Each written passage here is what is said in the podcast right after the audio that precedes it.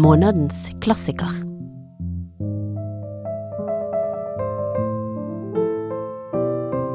En podkast fra Bergen offentlige bibliotek.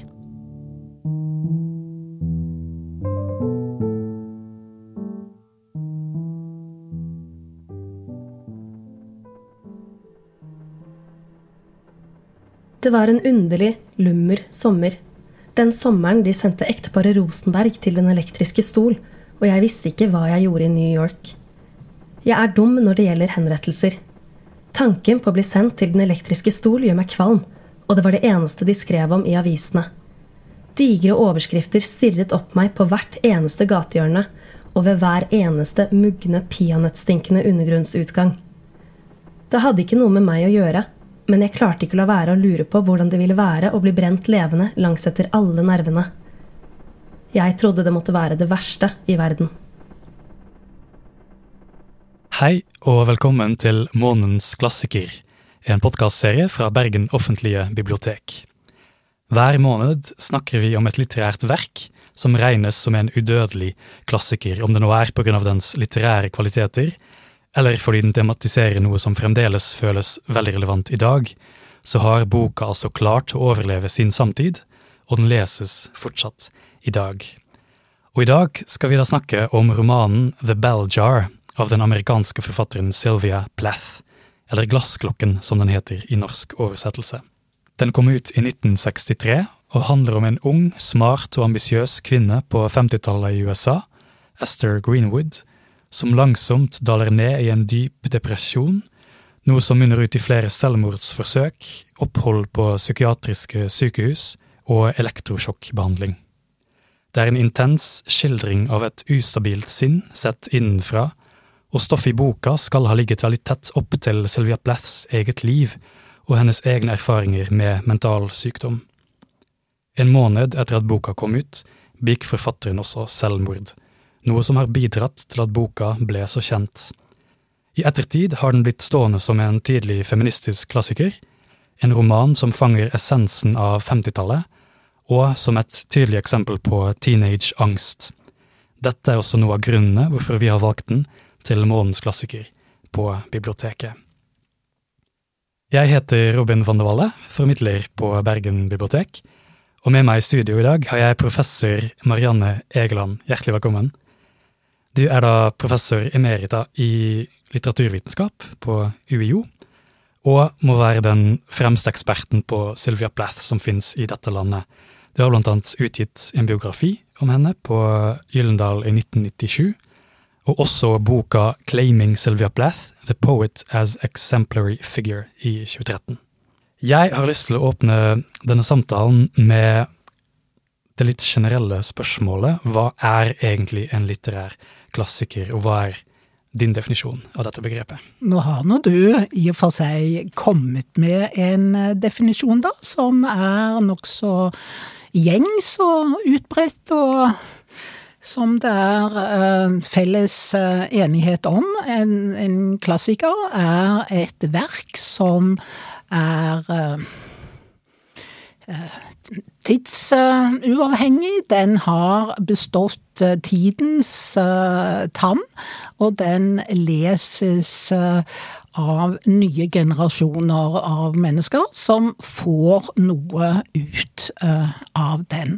Og de eldste klassikerne, ja, de går jo tilbake til uh, antikken og var i sin tid uh, pensum på skolen, og da tenker jeg på Homers Odysseen og Iliaden, som ble pensum faktisk 550 før vår tidsregning, og leses fortsatt i dag. Og The Bell Jar er også en slik bok? Ja, det er den jo. Den er i år eh, 60 år. Den leses eh, fortsatt. Ja, den er tilgjengelig på norsk i eh, bokhandelen. Den er oversatt til utallige språk, fins i veldig mange forskjellige uh, utgaver. Og ja, stadig nye generasjoner finner at boken på en eller annen måte taler til dem. Så kan vi eh, samtidig snakke om har dette med litterær kvalitet å gjøre, eller har det også kanskje like gjerne med helt andre ting eh, å gjøre? Mm. Hva var ditt første møte med denne boka, hvis du kan fortelle oss litt om den erfaringen? Nå har jeg tatt med meg mitt eh, eksemplar, som holder på å gå fra hverandre. Limfresingen holder jo eh, ikke lenger. Det er en fillete paperback-utgave, faktisk fra 1972, som jeg kjøpte da jeg var student i USA. Og da jeg kom til USA for å begynne å studere, rett fra det norske gymnaset, jeg var 19 år gammel, fikk jeg presentert dette som å, det er en bok om oss. Den angår oss, og særlig da unge eh, kvinner så står det inne i boken, ikke mitt navn, men det står faktisk til mor, julen 1972, for jeg sendte den sammen med andre um, ikke så tunge julegaver, og um, formidle gjennom posten til moren min. Og jeg var i grunnen ikke helt jeg tenkte ikke på at det var hun som var mottakeren, men etterpå fikk jeg jo inntrykk av at hun lurte på om det var et skjult budskap der. Var det slik, mon tro, at jeg så på forholdet til henne som hovedpersonen i The Bell Jar så på sitt forhold til sin mor? Mm. Og jeg hadde heller, tror jeg, ikke fått med meg at Aurelia Plath, Sylvia Plaths mor, hadde skrevet uh, eller er sitert i, uh, i, stor utstrekning i et biografisk etterord om sin fortvilelse over denne utgaven, og hvordan hun var ganske bitter på at hun selv og mange andre i familien og deres vennekrets var hengt skikkelig ut til tørk og eh, karikert. Så min mor lurte nok på, altså, har datteren hennes sendt henne et skjult budskap? Nei, jeg hadde ikke gjort det. Altså, jeg var ikke bevisst det. Jeg tror ikke engang jeg hadde lest det eh, etter ordet, men tenkte at å, her er det noe nytt som de kanskje er interessert i, for boken hadde jo ikke kommet til Norge enda. Men da den ble utgitt i USA i første gang altså i uh, innbundet utgave i 1971, var det ni år etter at den forelå i uh, Storbritannia. I Storbritannia ble den utgitt under pseudonymet Victoria Lucas, fordi Sylvia Plath nok var fullstendig klar over at boken ville kunne bli lest selvbiografisk, og hun ville beskytte seg selv og de menneskene hun hadde skrevet om og karikert. Hun ville også faktisk beskytte sitt eget gode navn og rykte som forfatter, for hun var usikker på bokens litterære kvalitet. Mm. Hun har omtalt boken som a potboiler, og på norsk fins det ikke en enkel og god norsk oversettelse. Men a potboiler er noe en forfatter skriver uh, med tanke på salg og marked. Den skal nå bredt ut. Den skal være populær. Den skal gli lett ned blant uh, publikum og den litterære kvaliteten er eh, mindre viktig på den måten. Mm. For hvor passerer denne romanen seg i forfatterskap? Hun hadde gitt ut én diktsamling før? Det hadde hun. Så da hun tok livet av seg, hadde hun bare utgitt to bøker. Uh, om høsten uh, eh, 1962 kom hennes første um, lyrikksamling, The Colossus and Other Poems. Og i januar 1963 kom The Bell Jar. Så det er de to eneste bøkene som hun så eh, altså, i for seg gjennom og leste korrektur på og kunne holde fysisk eh, i hånden mm. før hun døde. Men hun hadde jo skrevet og skrevet og skrevet og skrevet hele livet sitt, så å si.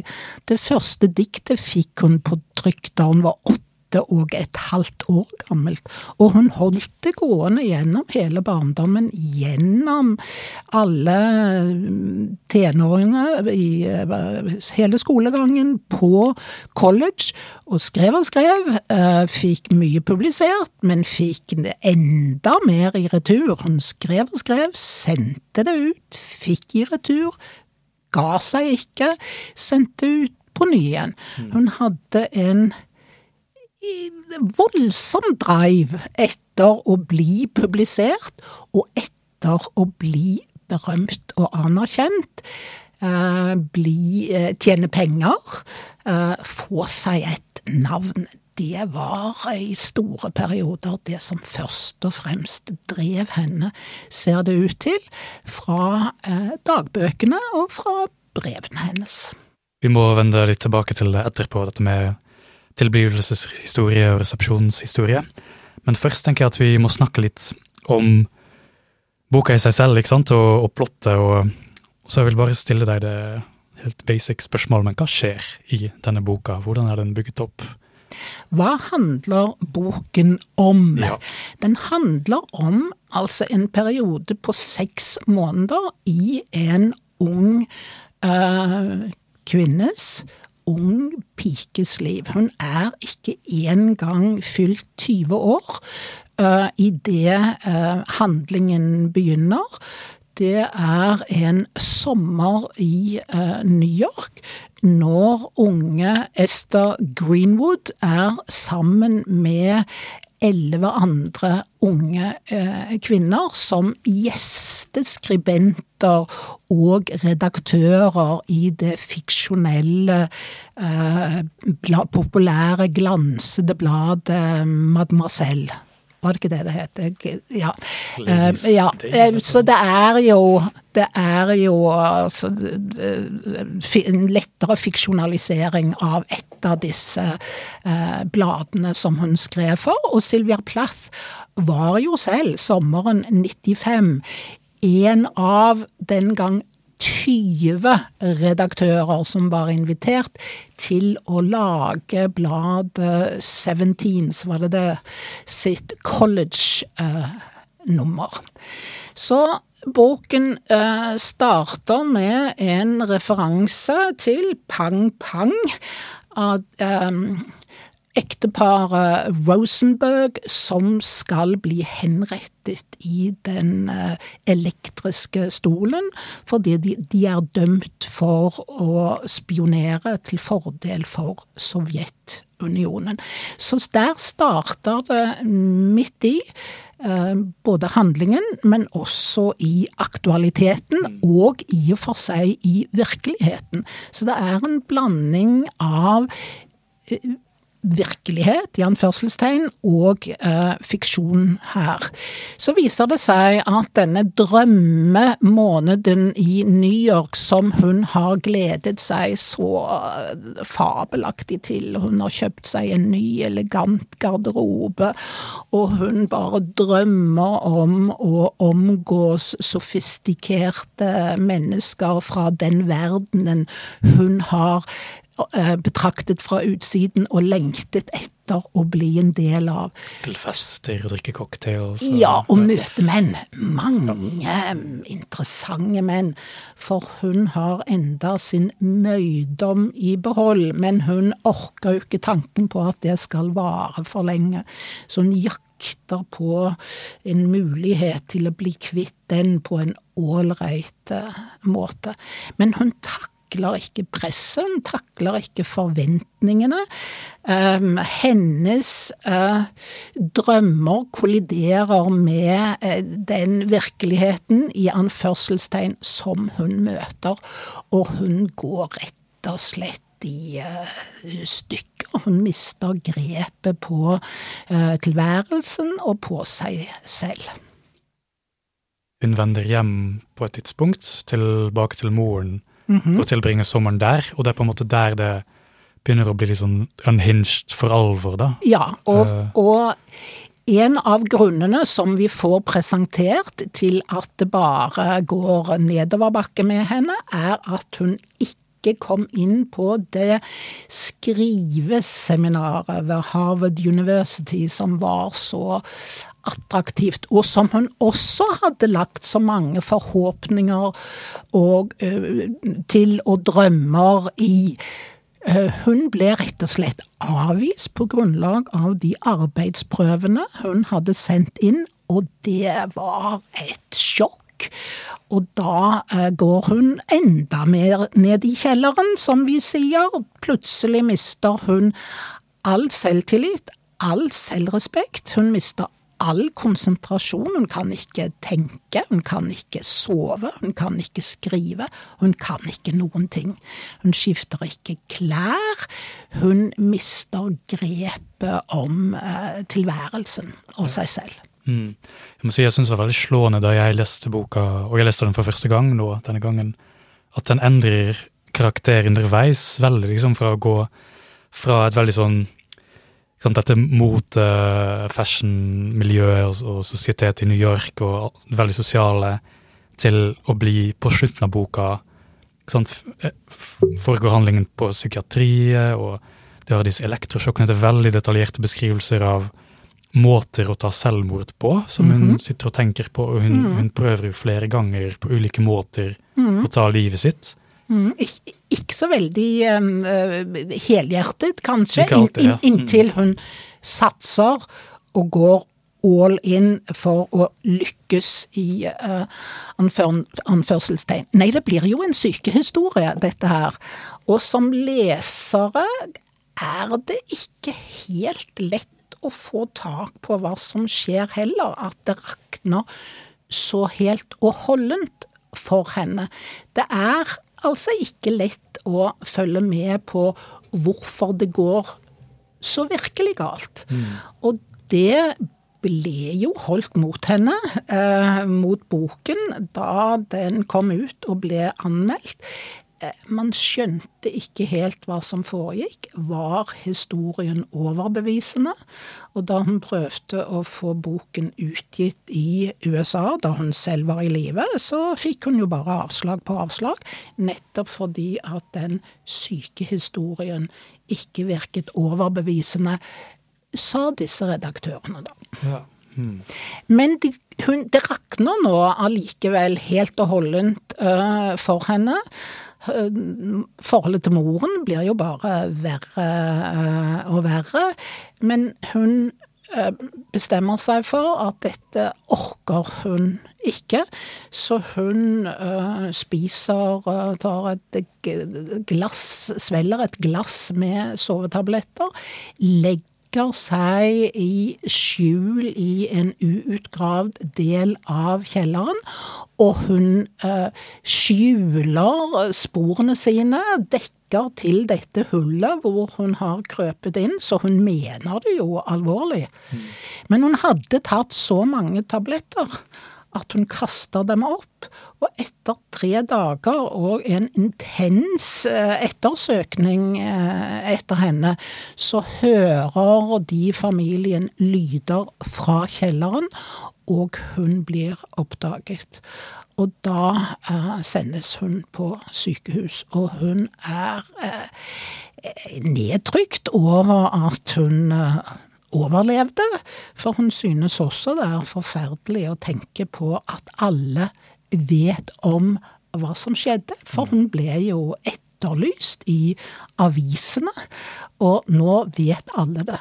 Og hun øhm, føler seg forfulgt. Folk kommer og kikker på henne, og det såret hun hadde fått da hun dunket hodet sitt mot øh, murveggen nede i uh, kjelleren. Så hun er jo ikke mottagelig, egentlig, for å bli frisk og for å få behandling.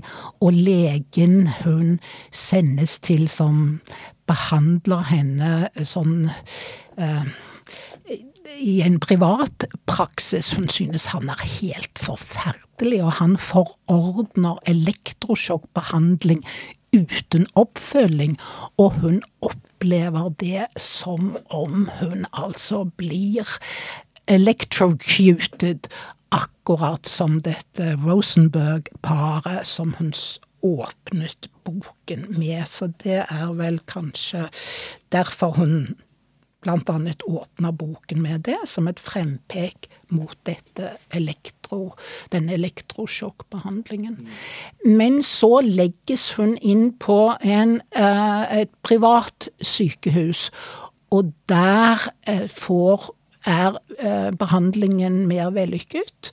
Og den, så å si den eneste personen i hele romanen som omtales på en positiv måte, det er en ung kvinnelig eh, terapeut, dr. Nolan. Uh, sterkt freudiansk uh, inspirert.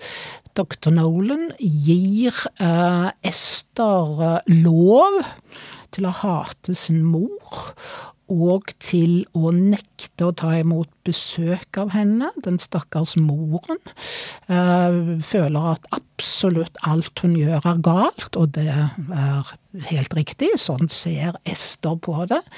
Men der gjennom, på den institusjonen gjennomgår Ester også elektrosjokkbehandling, men på en helt annen måte enn de hun uh, fikk uh, i den uh, første omgangen og depresjonen letter. Så etter et halvt år eh, fra denne sommeren, og at hun prøvde å ta livet eh, av seg, er hun faktisk tilbake på college. Og det er der boken slutter. Hva er The Bell Jar? Hvor kommer tittelen 'Glassklokken' fra? Ja, det er, en, det er referanser til den eh, til en glassklokke flere ganger i løpet av teksten.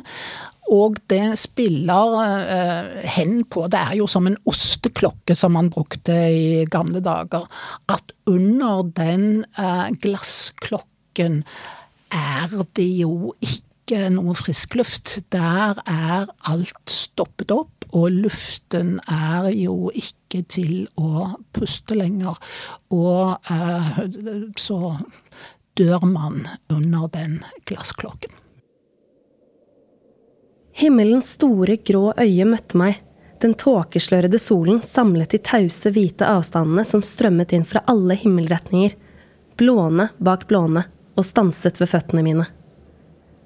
Den indre stemmen som maste om at jeg ikke skulle være tåpelig, at jeg skulle redde skinnet og ta av meg skiene og gå ned, kamuflert av furukratter langs kanten av bakken, flyktet som en utrøstelig mygg. Bevisstheten om at jeg kunne slå meg i hjel, formet seg kjølig i hjernen min, som et tre eller en blomst. Jeg beveget meg forsiktig ut på kanten av bakketoppen og hugget stavene i snøen og skjøv meg ut i en flukt som jeg visste jeg ikke kunne stoppe med teknisk ferdighet eller en forsinket viljeinnskytelse. Jeg tok sikte rett ned. En skarp vind som hadde ligget på lur, slo meg rett i munnen og rakte håret vannrett bakover på hodet. Jeg for nedover, men den hvite solen steg ikke høyere. Den hang over åsenes stivnede bølger som en ufølsom akse, uunnværlig for verdens eksistens. Et lite punkt i min egen kropp svarte og fløy mot den. Jeg kjente lungene fylles av landskapet som stormet mot meg. Luft, fjell, trær, mennesker. Jeg tenkte dette er lykke. Jeg suste ned forbi slalåmkjørerne, elevene, ekspertene. Gjennom år etter år av dobbeltspill og smil og kompromisser inn i min egen fortid. Mennesker og trær vek tilbake på begge sider som de mørke veggene i en tunnel, mens jeg for videre mot det lysende, ubevegelige punktet for enden av den. Småsteinen på bunnen av brønnen. Det deilige, hvite barnet trygt i mors liv. Jeg har lyst til å snakke litt dypere om Esther Greenwood. Um, hva slags person er hun egentlig? Um, for jeg opplever at um, Det er jo en jeg-fortelling, så vi er hele tiden i hennes, mm -hmm. uh, hennes hode. Og det Ja, jeg opplever at uh, jeg sliter ofte litt med å, med å ha sympati for henne. Mm. Hun virker ofte ganske dømmende og uh, cruel med, mm med, alle folkene rundt henne, egentlig. Mm. Alle blir mm. nådeløst utlevert, og hun ser mm. alle de dårlige sidene ved absolutt alle. Mm. Og det er liksom ingen som hun møter med vennlighet og med Det er også slik du opplever henne som karakter? Ja. Jeg, jeg, gjør jo det, og særlig, særlig nå. Eller etter at jeg leste eh, boken for første gang. Da var jeg altså 19 år, og leste den nok med større innlevelse, eh, med eh, noe gjenkjennelse, og det var noen sånn forhold til eh, gutter, til menn, til seksualitet, til forventninger til eh, livet, til Og, og det er altså feministiske innslag der som jeg jo syntes var bare helt strålende. Men så har jeg jo lest boken flere ganger senere, og da har det slått meg i større grad dette estetiserende og dømmende blikket hennes. Ingen er gode nok. Og hva kan det skyldes da? Skyldes det at hun er forspist på alle de romantiske idealene om hvor fabelaktige menn og kjærester skulle være. Rosenrøde familie, eh, forhold, hjemmeforhold. At hun ønsket en, et liv i sus og dus og rikdom, og hvor det skulle være sommerfugler og mm. pusekatter og blomster og ja. Hun ville jo ikke ha det der eh, mann og barn og suburbia-tilværelse heller. Nei, men det er jo, det er jo både og, for når hun fortsetter å se for seg hva er eh, hva hun lengter etter, og drømmene hennes er det jo allikevel Altså på, at på en eller annen måte skulle alt være eh, perfekt. Hun skulle være gå i perfekte drakter, hun skulle omgås eh, perfekte, intellektuelle, strålende, morsomme, interessante personer, og hun så på seg selv som en person med eh, stor evne til å skape og til kjærlighet. Og så spørs det vel da om hun eh, erfarte at eh, det var slik. Men uansett så er det jo med dette dømmende blikket hun ser på verden og på andre mennesker, men i stor grad også på seg selv. Og det er en kynisk eh, skrivestil, en kynisk tone vi møter, og den er rett på sak, og den er snappy, og det er til dels korte setninger, for hun bare oppsummerer folk og situasjoner. Og det er jo noe man kan synes er eh, meddrivende når man er ung og er eh, ferdig med skolen og eh, mener at man i grunnen er litt på toppen av verden, har mm. lært veldig mye og har større innsikt i det meste, Eh, i hvert fall sammenlignet med ens egne innskrenkede foreldre. Så da eh, tror jeg at jeg selv som leser den aller første gangen tenkte at å, her er det noe, det er noe kult. Samtidig som det er eh, noe eh, viktig og alvorlig. Det er eh, eh, alvorlige ting eh, det handler om. Så leser jeg boken om igjen og ser andre perspektiver og tenker at å ja, var nå moren så fæl? Jeg har allerede sagt den stakkars moren. Selv har jeg jo blitt eh, mye eldre, og jeg har voksne barn, og jeg vil eh, se med skrekk og bru, gru på om mine sønner skulle skrive om meg på den måten der. Moren til Esther Greenwood, på samme måte som moren til Sylvia Plath, gjorde så godt hun kunne, og var ikke et spesielt ondt menneske. Vi har også snakket litt tidligere om um, en passasje vi begge reagerte på, um, som handler om The Negro, og mm -hmm. så har vi liksom tenkt Eller du har stilt deg spørsmål hva med disse sensitivitetsleserne, ikke sant? hvis en mm. sånn bok hadde blitt utgitt i dag? Ja, det slo meg når jeg nå leste den om igjen den siste uken. Oi, tenkte jeg. Sensitivitetsleserne som det har vært så mye diskusjon om, de ville hatt en hel del å slå ned på her. Det er peruvianerne som er ugly as Aztecs. Det er en lesbisk medstudent som Ester sier at hun blir kvalm av. Altså er det noe akseptabelt? Mm. Så er det særlig noen passasjer hvor og, og, og, vi har jo nesten Vi kan jo nesten ikke bruke N-ordet lenger. Men her skriver hun over et par sider om The Negro. Og i min utgave er det med stor N, så han essensialiseres til de grader hun er så dømmende overfor ham. Og hun er, passasjen ender jo til og med med at hun sparker ham. Det er jo et overgrep. Altså, så hvordan skal vi se på det? Ja vel var hun innlagt på psykiatrisk sykehus, men da var hun allerede på vei opp. Men, men altså, kan man akseptere det? Ester er til og med en som plager slanger i bur på et uh, en dyrehave, sånn at slangen blir jo helt stresset og gjør utfall mot uh, glasset.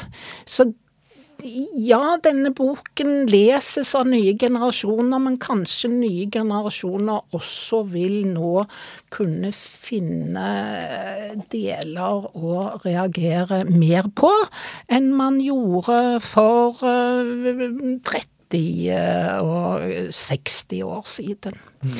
Og det sier jo også noe om at leserforventninger, leserhorisonten, om at eh, litteraturs eh, eh, kontekst og relasjoner til verden rundt oss endrer seg. Hva kan nåtidige lesere få ut av denne boka, selv om de reagerer på en del ting? Men hva er liksom de viktigste temaene som fortsatt kanskje er relevant i dag, og hva har Sylvia Plath å si om disse temaene? Det, det handler vel um, blant annet for denne unge Esther Greenwood å finne ut av seg selv og takle overgangen fra ung til uh, voksen uh, tilværelse. Den handler om fremmedgjøring.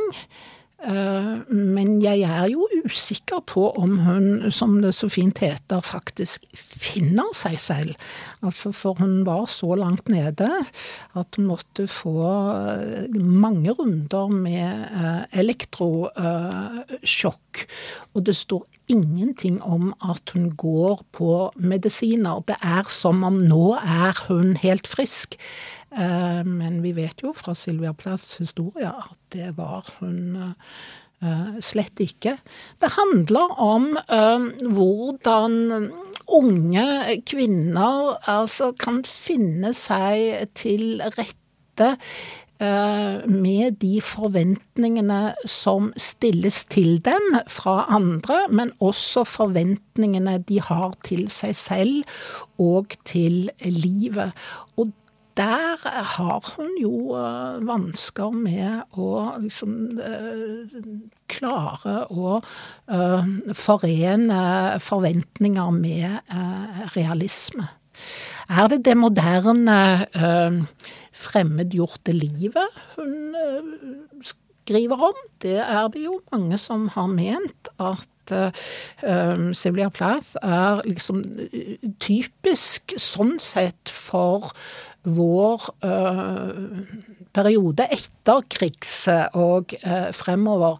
Men også at det er liksom noe veldig typisk amerikansk 50-tall. Dobbelt hytte hyklersk. Ja, kvinner uh, fikk tilgang til utdannelse og til college og universiteter, men de var jo Allikevel var det ventet at de skulle etter eh, universitetsutdannelsen skulle de trekke hjem igjen til familie, kinder und Küche.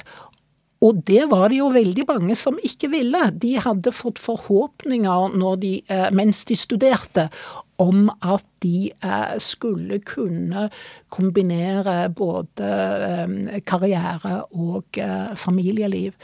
Men etter krigen og utover på 50-tallet ble det en veldig reaksjon politisk i USA, etter at kvinnene jo hadde gjort seg så gjeldende under krigen, så skulle de steppe tilbake og la mennene få eh, jobbene.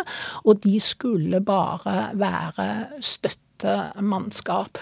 Og det ligger under som en, altså en, form for vansker og bitterhet da, i Esther Greenwoods holdninger Jeg.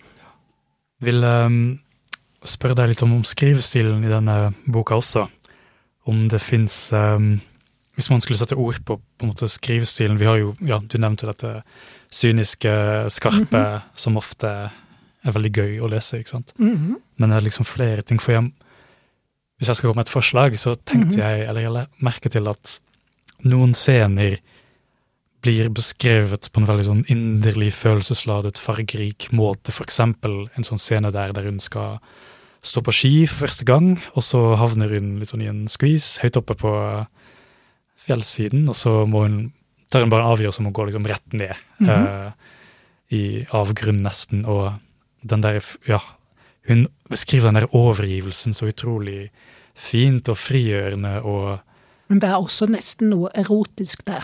Ja. ja hun mm. gir seg på en måte hen, mm.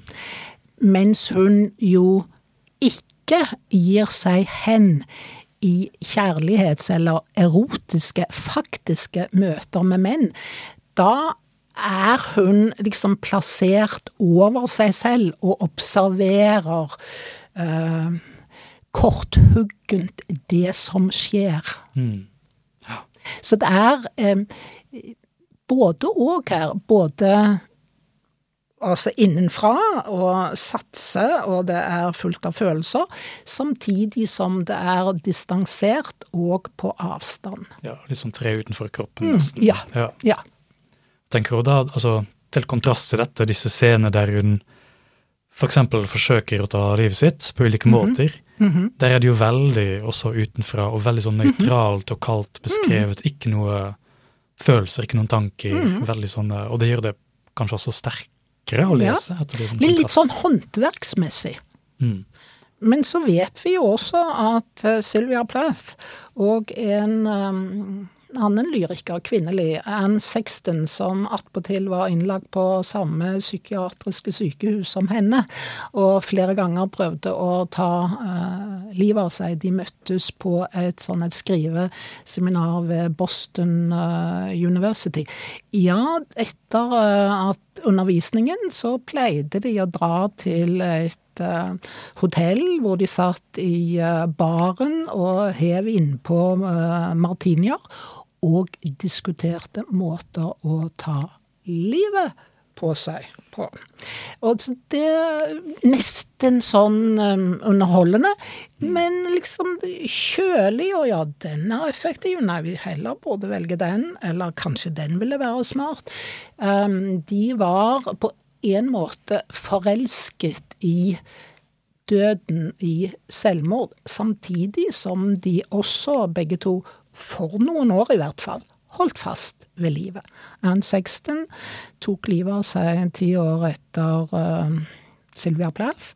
Og da hun hørte at Sylvia Plath hadde tatt livet av seg, ble hun rett og slett misunnelig. Oi, dette var i grunnen jo hennes død. Sylvia hadde kommet henne i forkjøpet. Mm. Og hun, Anne Sexton betraktet dette selvmordet som en sånn fabelaktig måte til å fremme karrieren på. Man måtte bare etterlate en virkelig knallgod, trykkeklar samling, og det gjorde Sylvia Plath. Vi blir nødt til å snakke litt mer om det. Uh, måten det faktiske selvmordet hennes har påvirket karrieren på, da. Og du insinuerer jo at det var et på en måte kynisk karrierevalg, nesten? Eller at eh, Nei, nei jeg, nei, jeg, gjør ikke det. Nei, jeg tror hun var virkelig syk, og virkelig desperat, og hinsides. For sammen med den trykkeklare samlingen som kom ut eh, vel to uh, år etter at hun tok livet av seg, og det er Ariel, og det var den hennes ry virkelig ble bygget på. Eh, så etterlot hun seg jo to bitte små barn under tre år. Og det vil jo jeg si er eh, beviset på hvor langt eh, nede hun er. Nei, man, man må heller da snakke om hvordan har det selvmordet virket for hennes renommé? Og da oppnådde hun faktisk den berømmelsen hun alltid hadde drømt om men posthumt. Mm. For den første lyrikksamlingen eh, som da kom eh, eh høsten 19 1960 ble mottatt liksom velvillig, men ikke så mye mer enn det. Ja, talentfull, men uh, ingen sensasjon.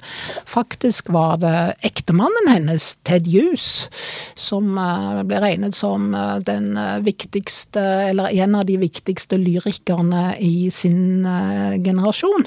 Han var et par år eldre enn Sylvia Plath, og de møttes da hun kom til Cambridge Cambridge etter um, college uh, var ferdig i USA, kom til Cambridge på et Fulbright-stipend. Det var da de møttes. Det var han som ble publisert og utgitt først, og det ble oppfattet som en sensasjon.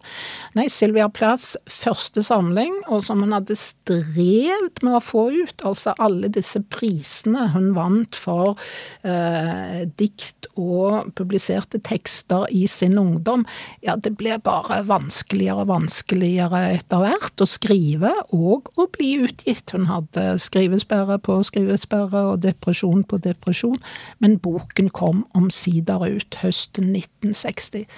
Fikk en litt sånn ålreit, men ikke noen storartet, hjertevarm eh, eh, mottakelse. Og det samme skjedde også da um, The Bell uh, kom i uh, januar uh, 1963 under pseudonym, som vi har snakket om. Um, fikk um, noen velvillige anmeldelser, men ikke, heller ikke denne ble mottatt som Og det var det som skulle skape hennes navn. Men hadde hun jo riktignok utgitt den under pseudonym. Men ifølge en av hennes eh, amerikanske utgivere, så visste man i London hvem eh, forfatteren var som skjulte seg bak pseudonymet, og hun var såret over eh, lunkne anmeldelser. Men på den andre siden så fikk hun jo allikevel en del anmeldelser, til tross for at hun publiserte under pseudonym. Så når man prøver å liksom nøste seg frem i historien om Sylvia Plath, så eh, blir jo jeg slått av de store motsetningene i oppfatningen av henne, hva slags dikter hun var, hvilket nivå hun befinner seg på, hvor god er hun, a minor talent, var det jo flere som mente, eller er hun den største ikke bare i sin generasjon, men av kvinnelige diktere så å si overhodet, som eh, noen har hevdet. Var hun en martyr for eh, kvinnesaken, eller var hun i grunnen eh, heller anti? Antifeministisk? Var hun en martyr for alle gode saker overhodet, som noen hevdet, eller var hun i grunnen ganske politisk uinteressert? Altså, oppfatningene om henne er så varierte og så motsetningsfylte. Men kanskje det er en av grunnene til at man har denne sterke interessen for henne. Det er så mange som kan finne noe å bli begeistret over, eller eventuelt å irritere seg over. Men jeg er ganske overbevist om at dette selvmordet har vært avgjørende i å vekke vekke interessen for henne. Og eh, mer og mer så jaktet man på eh, svar på hvorfor hun tok livet av seg, og hvem var det nå sin skyld. Så i historien om Sylvia Plath, og i interessen for henne og oppmerksomheten om henne, har det vært mye fingerpeking. Og der har vi eh, svaret og forklaringen. Der har vi de skyldige. Ja. Tatjus og moren og De skyldige, det var foreldrene, og det hun uh, mente også mye det selv, og det ga en freudiansk forklaring. Det ga òg terapeuten i, uh, på dette uh, psykiatriske sykehuset, og det var da ektemannen Ted Hughes som uh, begynte å fjøre med en annen. Så har denne andre erklært at de ville Det hadde ikke blitt noe av, det hadde ikke skjedd noe, men Sylvia Plath var helt sikker på det, og hun kastet ut ektemannen. Det er flere historier om at hun ble fylt av et en ubendig sjalusi, enten den var berettiget Eh, eller ikke. Og så rant det over. Altså sånn som det raknet den sommeren eh, i 1953, så raknet det eh, igjen sommeren 1962. Samme morgen hadde jeg forsøkt å henge meg. Med en gang mor var gått på jobben, tok jeg silkesnoren til den gule badekåpen hennes. Jeg sto i den ravgule skyggen på soveværelset og lagde en renneløkke. Det tok meg lang tid å gjøre dette, for jeg var ikke noe flink til å lage knuter og hadde ikke anelse om hvordan jeg skulle lage en skikkelig en. Så lette jeg etter et sted å feste tauet.